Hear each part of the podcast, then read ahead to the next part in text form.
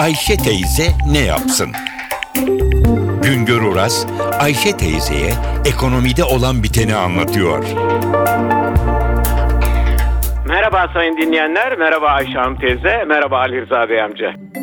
Yılbaşı nedeniyle bol bol Milli Piyango sohbeti yaptık. Milli Piyango İdaresi önümüzdeki günlerde özelleştiriliyor. Yılbaşı öncesi Özelleştirme İdaresi Başkanlığı Milli Piyango'yu satışa çıkardı.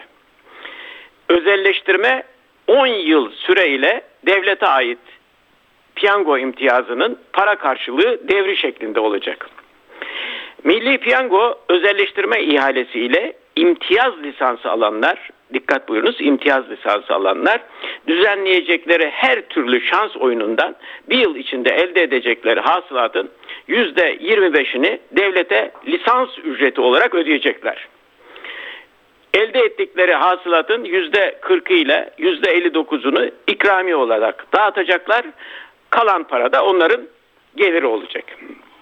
Özelleştirme idaresinin ilanında özelleştirme sonrası ihaleyi alanların Milli Piyango İdaresi tarafından şimdiye kadar pazara sunulmuş olan mevcut oyunları oynatmaya devam edebileceği ve pazara yeni oyunlar da sunabileceği belirtiliyor. Bu çok önemli. Demek ki mevcut oyunlara ek olarak özelleştirilecek şirkette yeni oyunlar da piyasaya sürülebilecek. Bu yeni oyunlar şans oyunları pazarını büyütür, coşturur. Bu noktada iki konuya açıklık getirmekte yarar var. Bir, Milli Piyango İdaresi sadece piyango bileti satmıyor. Daha başka şans oyunları da oynatıyor. Biz Milli Piyango İdaresi dediğimiz zaman sadece eski deyimiyle tayyare piyangosu bileti satışlarını dikkate alıyoruz. Halbuki daha başka oyunlar da var şans oyunları. İki, Türkiye'de şans oyunları sadece özelleştirilecek olan Milli Piyango İdaresi tarafından oynatılmıyor. Şans oyunları oynatan başka kurumlar da var. Ee, tekrar başa döneyim. Çok kişi Milli Piyango İdaresi'ni sadece şu bizim eski deyimiyle tayyara piyangosu bileti sattığını sanır. Halbuki piyango, Milli Piyango İdaresi'nde bu tayyare piyangosu yanında hemen kazan oyunları, sayısal loto, şans topu, 10 numara, süper loto adı altında 6 farklı şans oyunu var. Özelleştirme ile imtiyaz lisansını satın alacaklar. Bu 6 oyuna ek olarak yeni oyunları da piyasaya sürebilecekler. Şimdi gelelim Türkiye'de şans oyunlarını düzenlemede Milli Piyango İdaresi'nin rakiplerine. Türkiye'de şans oyunu imtiyazını paylaşan 3 ayrı kurum ve kuruluş var. Birincisi biraz önce de sözünü ettiğimiz Milli Piyango İdaresi. Milli Piyango İdaresi karşılığı nakit olmak üzere şans oyunları düzenleme yetkisine sahip bir kamu kuruluşu bugüne kadar.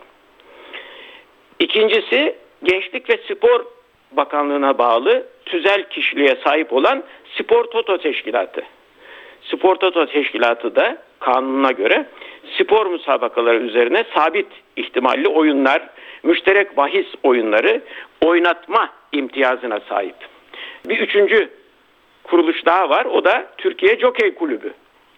Türkiye Jokey Kulübü Gıda, Tarım ve Hayvancılık Bakanlığı adına at yarışları düzenliyor. Sonra düzenlenen at yarışları üzerinden müşterek bahis oynatma imtiyazını kullanıyor. Türkiye'de toplam şans oyunları pazarının büyüklüğü 2012 yılında 11 milyar Türk lirası. Şimdi bu 11 milyar lira Türk liralık büyük pazarda Milli Piyango İdaresi'nin payı 2,2 milyar lira dolayında. Yani yüzde 20'nin biraz üzerinde. Açık anlatımıyla Milli Piyango İdaresi şans oyunları pazarlığında en büyük ağırlığı olan kuruluş değil. Başka kuruluşlar da var. Onları bir başka sohbetimizde anlatırım. Tekrar buluşmak ümidiyle, tekrar görüşmek ümidiyle şen ve esen kalınız sayın dinleyenler. Güngör Uras'a sormak istediklerinizi ntvradio.com.tr adresine yazabilirsiniz.